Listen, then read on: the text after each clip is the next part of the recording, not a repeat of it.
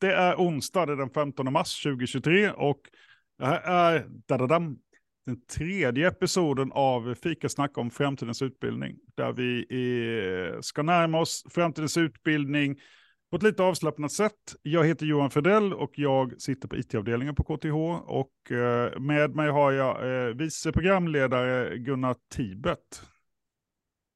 Och eh, Viktigare än oss, som alltid, det är ju att vi också, när vi har tur, har en gäst med oss. Och eh, idag är det Thomas Ekholm och vi kommer snart introducera honom och prata pedagogik. Eh, bara några sådana här disclaimers då, det är att när vi kör den här podden så kör vi live. Vi har inget eh, detaljerat manus utan vi ger oss i kast med lite frågor och så ser vi var vi landar. Så att det är viktigt att understryka då att det som framförs det är eh, enskilda medarbetares åsikter och inte alltid liksom KTH eh, Trademark som står bakom allt vi säger, utan detta är ett samtal och vi är glada att se att det är några stycken som ramlat in i chatten också eh, och ni är välkomna att chatta in frågor så kommer vi försöka väva in dem i samtalet också. Eh, men eh, dagens gäst Thomas Ekholm, varmt välkommen till vårt fikasnack. Tack så mycket. Tack så mycket. Kan du berätta lite kort om dig själv bara? Det, det, det är enkelt. Nej, det, några ord om ja. dig själv, vad, vad du gör på KTH och lite vad du gör också utanför KTH. Eh, jag är från Öland och kom upp hit eh, för utbildning till Stockholm och läste på universitetet. Faktiskt jag är inte ingenjör, eh, men samläste mattekurser då med KTH Eh, på universitetet. Sen eh, doktorerade jag här uppe och efter lite postdocs så, så kom jag hit igen. Eh, och dessförinnan hade jag väl även varit ute i näringslivet och programmerat några år och sen kom jag tillbaka till KTH så det är lite udda kanske. Framförallt på matteinstitutionen att, att vi tar den vägen hit. Ja, men, men visst är det också fortfarande verksam parallellt med KTH, eh, också i egen verksamhet? Ja, alltså, nu, numera arbetar jag på halvtid här på KTH och eh, undervisar två kurser. Och, eh, den ena är en mattekurs i ettan och den andra är en eh, eh programmeringskurs, funktionell programmering och mjukvarukonstruktion i Eh, Eh, precis på slutet på mastern innan eh, i mjukvarukonstruktionsspåret så att det är väldigt skilda kurser och eh, väldigt olika sätt att undervisa dem och, så, och det är kul kontrast. Och utanför det då så arbetar jag, så har jag ett eget företag som jag hjälper företag med mjukvarukonstruktion och stora system och undvika komplexitet som kommer in vare sig man vill det eller ej. Så det, det är kul att, eh, att göra det där och, och, och arbeta mycket med, med ingenjörer som kommer från KTH då som färska och, och se vad de kan och inte kan och hur, hur bra de är på att ta sig an uppgifter och, och och, och, det kan man ju bära med sig in i undervisningen sen, så det, det har goda synergier. Och det är också något som KTH är väldigt positivt till. Det är ju att eh, vi som är verksamma vid KTH också har andra, eh, alltså eh, ben i andra sfärer om möjligt. Eh, ska inte konkurrera då, men, men eh, just att det finns den grundsynen på KTH, att det är värdefullt. Eh, och det är väldigt kul faktiskt. Eh, Eh, det är, det är inte alltid så det ser ut på alla arbetsplatser direkt. Absolut, absolut. Men du har ju eh, också eh, blivit tilldelad KTHs pedagogiska pris. Så jag tänker att eh, det vore lite intressant om vi fick veta lite mer om. Gunnar, du har ju också kikat lite på, på nomineringarna och sånt där. Ja, jag har tittat på nomineringarna, ja. Eh, och eh, eh, jag, jag, jag har diskuterat ganska mycket pedagogik med Thomas, men först skulle jag vilja säga grattis till utmärkelsen. Eh, och sen kanske gå över till en sportfråga. Där. Så här, hur känns det att få den här utmärkelsen? Hur kändes det när du fick reda på det? Ja, det var, det, det, det, var, ju, det var ju jättekul, eh, liksom att, att eh, framförallt att det uppmärksammades också, eh, den här kopplingen till, eh, till, till näringslivet och eh, att, eh, att synergierna kan, kan få undervisningen bättre och, och så. Men eh, ja, det var jättehedrande, så var det ju och, och kul. Du har ju under många år också fått pris som årets lärare på ett av de programmen som du har undervisat. Så att du är ju inte en nybörjare i att få pris på det, om man säger så. Men hur tänker du lite grann eh, kring liksom bakgrunden och din, din totala gärning, delvis kopplat till det här som Johan lyfte upp med din, din industrikoppling också och eh, på vilket sätt det påverkar eh, så att säga, helheten i, i din lärargärning? Jag tror, det, det, var väl kanske de här priserna, det, det, du menar ju då eh, de här årets lärarpriser på, på fysik som jag har fått då eh, tre gånger eh, utav fyra år faktiskt. Jag har undervisat där, så det är ju jätte... Och det, och det är ju studenterna som, som eh, uppskattar då ens eh, prestation för att få dem att förstå de här grejerna i matte. Och, och det är ju jättekul. Eh, och det, och det är väl troligen det som, som låg bakom eh, nomineringar då till, till det här priset eh, och, och, det tidigare var ju studenterna och, det, och ofta är det ju, det är ju studenterna vet ju förstås vad man gör sådär och, och eh, när man undervisar på ett väldigt aktivt program så vet ju programansvariga och, och, och de där men i annat fall är, är man ju rätt så ensam i undervisningen så det var ju jättekul att, att, eh, att det uppmärksammades utav, eh, utav KTH. Har det, har det uppmärksammats också även i det programmet där du undervisar nu? Att du att du hade fått priset? Ja, eh, det har det ju gjort. Eh, eh, programansvarig där, eh, Martin Wiklund, har ju eh, han har ju en god eh, sammanhållning i, i det där programmet där Eh, som ger ganska mycket tycker jag för eh, det har varit kul att undervisa där på grund av det att, att man blir involverad mycket ifall, eh, i, i programmet och även för programmet framåt via eh, vi har ju heldagsinternat efter undervisningen är klar för att se vad vi ska göra med programmet eh, i stort inför kommande och även läsår. Och, och det är intressant att möta framförallt de matematiker gör man ju eh, på sin institution sådär men, men att, att möta folk från andra discipliner och framförallt det här kaffesnacket som vi sysslar med nu när det mm, blir liksom mm. lite utanför det styrda. Mm. När man får välja ämnen lite själv och, och, och det, det, tycker jag är viktigt. Det var väl det man tappade med Zoom tyckte jag som var värst. Liksom, när vi, mm.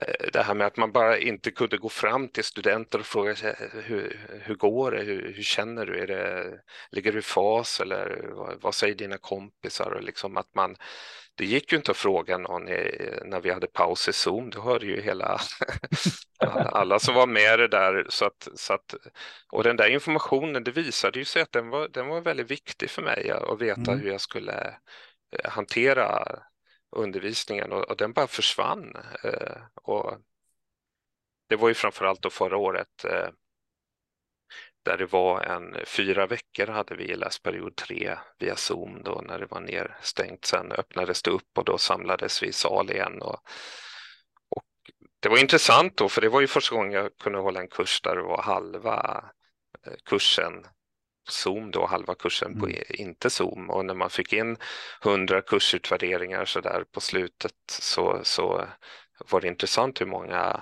att, de, att som verkligen uppskattade undervisningen i sal så pass mycket. Eh, ja, det var ja. kul, för det gjorde jag också. ja, och, eh, jag har ju gluttat lite också på liksom, saker du har sagt. Eh, och bland annat har du sagt liksom, att för dig påminner undervisning eh, lite om att stå på scen. Eh, och eh, det, det, i så fall blir det ju väldigt, väldigt tydligt vad skillnaderna blir när man flyttar från eh, liksom en, en, en, plats där det finns ett auditorium till Zoom. Det finns ett auditorium, men det, det är ju någonting helt annat. Eh, och det måste ju reflekteras också i din syn på pedagogik då egentligen. Men, men hur, hur tänker du där inför liksom dig själv som en performer? Ja, det där var ju en grej jag sa och nu får man ju äta upp det nu då. Ja, men, men, men ja. ja, men frågan var väl, eh, man har ju så lite, man, man har bara tavlan och en krita och sig själv. Mm. Och kan man skapa liv i det här då? Och, och, och då, då, sa jag väl, ja men vi måste väl ha samma förutsättningar som en, eh, någon på scen. Sådär, och i någon mening är det ju det, men eh, det är ganska skönt tycker jag som lärare att man själv inte är i fokus. Eller jag mm. själv känner jag att jag inte själv är i fokus utan det är ju det är materialet som är i fokus och att själv är jag bara den här som som bara kan, jag, jag har en hjälpande funktion. Jag ska bara mm. hjälpa dem att ta sig an det där som står på tavlan som jag själv visserligen har skrivit dit. Va? Men, men vi vet båda att det, det är det de ska kunna. Och, mm. och eh, jag kommer in liksom lite från sidan och, och medlar den här grejen. och, det, och, det, och, det, tycker jag är en skön syn på istället för att, det, att jag själv är i fokus. Ja. Det märker jag rätt så tydligt när någon när någon fyller år, mina bröder eller något sånt där, så ska man hålla tal, då blir jag supernervös. För då märker jag, men varför blir jag så nervös nu då, inte i sal? Ja, men det är ju för att helt plötsligt jag är i fokus mm. på det där talet, liksom, eller att man ska prestera eller vara kul eller något sånt där. Eller, och, och, och jag tycker jag är ganska torr och eh, sådär, men, men matte är ju kul och det är ju tur. så mm, kan mm. man få liv i undervisningen.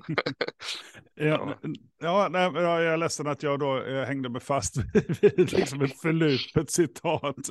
Eh, men, men, ja, det... eh, men om man spinner på den tråden lite, alltså du har ju då en materia och den materian, det, det är väl liksom någonstans är det nästan som ett manus till en film och så, men det är klart, det, det tarvar i sin förberedelse om du ska liksom kunna närma dig det eh, eh nyfiket och tryggt tillsammans med studenterna. Alltså, hur mycket förberedelse och hur mycket, alltså, hur mycket förarbete gör du när du eh, undervisar? För att eh, men uppenbarligen så din pedagogiska gärning uppskattas ju. Eh, du är prisad. Eh, men, men hur, hur, vad är din taktik? Eh, ja, jag tror att jag har ett väldigt stort kontrollbehov, vilket gör att eller jag kan väl i så skräck känna att jag går in oförberedd eh, och hoppas att det lossnar på något vis. Liksom. Men det, det, är ju mina mardrömmar på något vis. Att, eh, och, det, och, jag är väldigt långt från det, utan jag, eh, jag förbereder mig ju otroligt noggrant. Och det är först när man är otroligt noga förberedd som man kan slappna av från det. Men det, det ligger där i bakgrunden som en väldig trygghet. Och Eh, Eh, ofta har man ju tänkt över formuleringar väldigt noggrant. Eh, definitionen ska skrivas exakt med de här orden och det är de här meningarna och så vidare. Eh, för, för det guidar materialet eller studenterna bäst genom den här biten av beviset eller vad man nu gör. Däremot så kan jag tycka att, att när man kommer till exempel och så, då, då, eh, då kan man vara mycket friare och eh, fråga studenterna hur tycker ni vi ska lösa det här så är det någon som kommer med en idé och då får man följa den idén och då ger man ju sig ut på lite mer otryggt. men, men, eh, eh, men, men själv är jag nog väldigt förberedd mest för att, att jag känner att jag vill ha den kontrollen. Jag vill inte börja undervisa föreläsning 1 innan sista föreläsningen är förberedd. Mm. Så jag börjar ju väldigt långt i förväg och mycket förbereder jag på Öland på somrarna eh, under parasollet i skuggan. Liksom det, där, där sitter jag med matteboken och, och spånar. Och när man, jag, jag gillar ju, jag bygga, bygga hus och sånt och då ska man ju lägga papp på taken och, och slå in eh, tusentals med pappspik och då, då är det perfekt att ha en eh, hur ska jag börja den där föreläsningen och, som handlar om något visst och jag kanske ska ja, så spånar man på idéer och ofta blir det väldigt bra och sen glömmer man kanske bort dem. Men ibland så går man ner och skriver ner det direkt att det här var en bra grej. Jag tänkte på när, medan de här papprullarna blev fastsatta. Mm, mm. så, och, och, det är väl en rätt så skön grej. Det hände ju vid ett tillfälle här att, att, att det var oklart vad jag skulle undervisa eh, nästa år och, och det störde mig lite grann för att helt mm. plötsligt när jag funderade på min undervisning visste jag inte om det var är det algebra eller analys eller flervarv eller vad, vad, vad ska jag vad är det jag ska förbereda mig mm. mentalt på och vad ska jag gå och skriva anteckningar om ifall jag kommer på något bra då, då hade jag inget så det, det tycker jag är ganska viktigt, eh, eller i, i alla fall för mig att, att få vara fri och kreativ skapande, liksom att, att, att, att jag vet vad min nästa grej mm. är och att eh, jag kan små, smygtänka på den i förväg. Och jag vill ju att mina studenter ska vara proaktiva, då får jag väl vara det själv. Fair enough. Ja. Nej, men det, det är jättespännande slutsats av, för att kunna vara väldigt väl förberedd långt i förväg behöver man ju lång planeringshorisont. Det, det är ju ett viktigt medskick. Men sen så, som lärare vet man ju att det dyker upp saker som, man, som inte riktigt följer manus i en eh, läraktivitetssituation som man behöver ta på volley. Eh, finns det någon motsättning där att vara väl förberedd och alltså saker som, som rubbar manus på något sätt? Eh. Ja, och, eh, ja man, det får ju inte ske första föreläsningen för då har man inget förtroendekapital men efter ett tag så kan ju väldigt mycket få hända när man, när man vet att man är bland vänner i, eh, i, i salen sådär. Så att eh, men i början är det ju nervöst i början innan man har träffat dem. Jag är jättenervös inför en ny kurs. Liksom. Hur ser de ut? bara så här, och det är bara demoner man har själv. Liksom. Mm. Av någon anledning så släpper det ganska fort när man, när man kommer in i sal och ser alla. Jag brukar ju ha då, eh, både i programmeringskursen och mattekursen så är det ju över hundra eh, studenter. Då, så att, eh, i programmeringskursen det är, det är inte lika, det, det är värre eh, med, med mattekursen med ettorna och tycker jag. Det större ansvar där på något vis. Eh, Ansvaret senare, då, då ligger ju mycket mer på studenterna. De ska ha växt in i att snart vara egendrivande människor. Liksom, och, eh, större kanske chock för ettorna och de, man behöver väl hjälpa dem med vägledning och tankar och Eh, och så. När, när det gäller liksom den pedagogiska utvecklingen för lärare, det vet jag, du har ju varit inblandad i liksom att, att vidareutveckla eh, fortbildning för lärare i samband med, med de som jobbar med högskolepedagogiska, alltså den formella pedagogiska utvecklingen. Sen har det också varit på ett eh, sabbatsår och vidareutveckla dig utanför KTH. Eh, hur tänker du kring pedagogisk fortbildning för lärare. Eh, utbud, behov eh, eh, kring och att vara delaktig i den på olika sätt. Ja, eh, utlandsvistelsen där var ju det här stint stipendiet jag fick och var på Williams College i, i ett halvår och fokusera på bara på utbildning och Eh, jag passade ju på att gå kurser där. Jag gjorde väl inte kurserna, men att eh, titta på hur andra lärare verkligen eh, gjorde. Det är ju något jag gör väldigt mycket i, eh, här på KTH, eller väldigt mycket. En gång per läsperiod är, är min tanke att jag ska eh, sitta med på föreläsning. Och, och så eh, arbetet här, det var ju framför allt eh, då eh, någonting som hette dialogseminariet som vi hade två, jag fick vara med två gånger, en gång höll jag i det då, eh, eller förberedelserna tillsammans med Khalid som var eh, som höll i det och det var ju ett väldigt, väldigt bra eh, forum tyckte jag. Det, det, det, är något jag egentligen skulle vilja gå på var femte år till pension. Liksom. Det, det, det hade varit super för mig. Eh, och eh, det handlar ju om att, att man är väldigt fri i, ska vara väldigt fri i tanken och behandla ett, eh, vi träffades väl sju, åtta gånger och hade något eh, tema som vi skulle behandla och var och en utav deltagarna då som första gången var vi från olika discipliner och eh, olika stadier i vår, i, i, vår lärarroll då. Och andra gången var det bara matematiker och de var bra på olika sätt. Eh, eh, sådär, men man, man behandlar ett ämne om man ska skriva en reflekterande text som, som gärna får vara personliga och problematiserande. Eller liksom att, att, eh, och sen kommer man med den texten som man skickade in två dagar i förväg och så läser man igenom varandras texter. Och eh, vid tillfället så ska man läsa upp sin text då och eh, för alla andra deltagare för, eh, och sen ska de kommentera. Och det viktiga när man läser sin text är är att man läser den långsamt. Så att, så att folk har tid att ta sig in.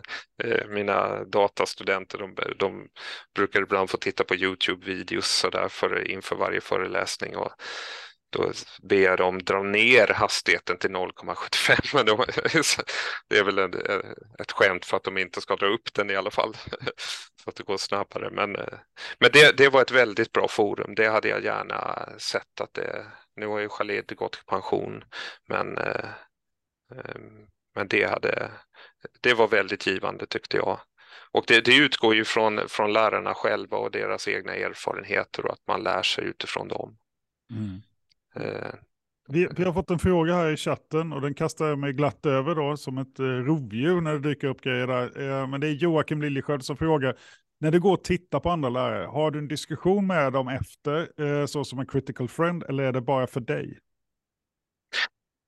Det är mest för mig, men eh, jag brukar gå i alla fall före och frågar ifall jag får eh, eh, ifall jag får titta på dem så att de vet att jag är där. Liksom. Och man får ju gå till de som är trygga att man, mm. att man är där då, men eh, det är inte alltid de eh, jag menar, ibland har jag, någon gång har jag blivit ombedd att komma och lyssna för att, för att ge förslag på tankar eller något sånt där. Men eh, mitt primära syfte är framför allt att, att eh, titta och lära och vad, vad är det jag kan dra nytta av som den här läraren i, i det sättet den läraren undervisar. Och ibland kan, kan man gå och titta på någon som undervisar ganska nära en själv liksom i, i sätt och stil. Eh, och då är det ju lättare kanske att ta till, eh, liksom, ja men det där kan jag ju anamma ganska enkelt liksom och, och härma eller vi lär oss väl via att härmas.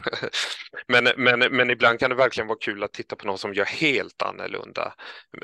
Och, och då är det ju väldigt långt från vad man själv kanske kan kan göra då, men, men det väcker ju ändå ens kreativa tankar åt ett, åt ett liksom öppna dörrar åt ett, åt ett helt annat håll än vad man själv eh, har kanske i, i sikte. Vi har en, annan fråga här i chatten från Malin Hansen eh, kring viktiga komponenter.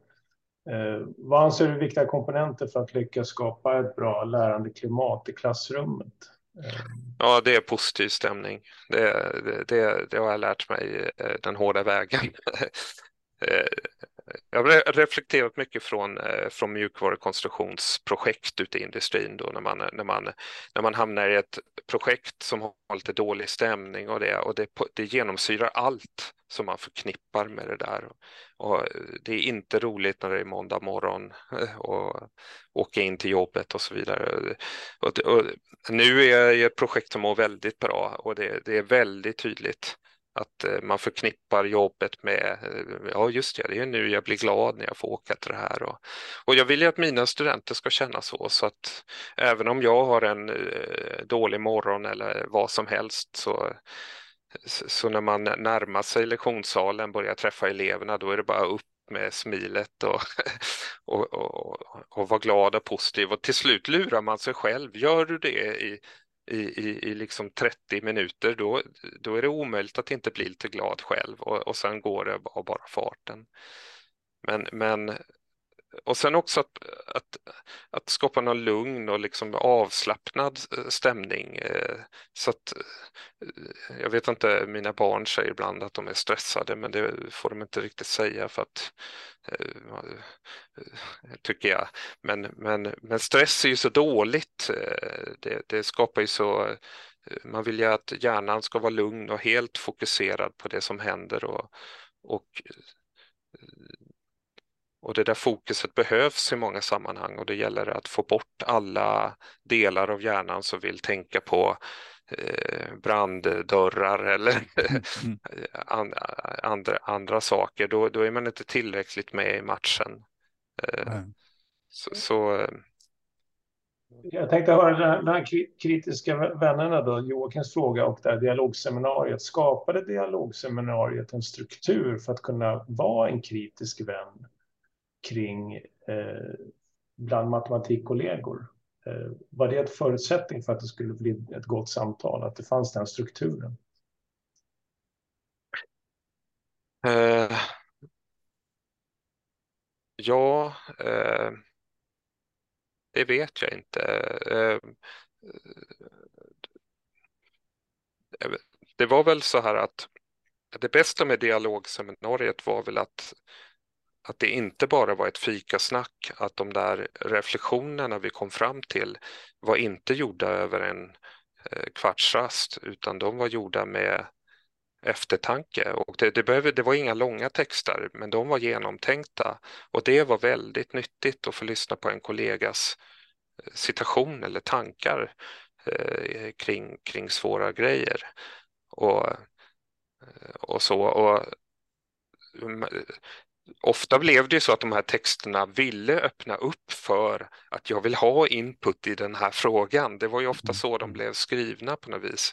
Och då, då blev de ju väldigt, då, blev, då har man ju själv öppnat upp det för att jag vill verkligen ha era åsikter kring det, mitt problem här. Eh, det tyckte jag var nyttigt. Och sen eh, fortsätter ju det där samtalet. Jag kommer ju exakt ihåg vilka, vilka vi var liksom eh,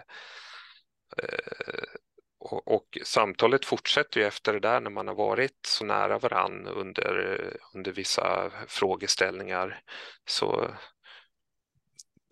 ja, det är viktigt på något vis. Eh, nu har man ju sina, som man brukar gå och käka lunch med och så vidare, där kommer man ju varann nära på undervisning och sånt. Men i annat fall är man ju ganska ensam faktiskt tyvärr som lärare på jag undervisar min kurs och det finns bara en av den då för teknisk fysik och teknisk matematik här nu då i, och, och eh, jag skriver min tenta själv och eh, det är klart att jag försöker få input från andra men, men jag är ganska själv i min undervisningssituation.